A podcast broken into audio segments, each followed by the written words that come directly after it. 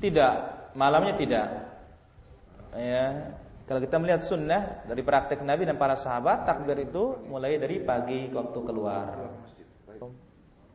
Seorang wanita lari dari orang tuanya dan menikah tanpa sepengetahuan orang tuanya. Dia membawa wali sendiri. Bagaimana hukum akad nikahnya? Pertama, orang tua adalah wali yang paling utama. Ya. Maka bagaimana sekarang jika lo terjadi seperti ini?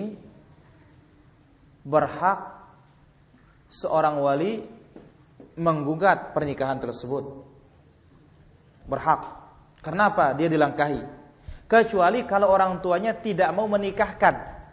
Padahal sudah sekufu. Tidak ada alasan syar'i untuk menolaknya barulah namanya adl. Wali tidak mau menikah, menikahkan. Dia berhak mencari wali yang lain. Tapi hanya lari begitu saja, belum apa-apa, lalu membawakan dirinya wali tidak benar ini. Ya, maka berhak orang tuanya apa namanya membatalkannya.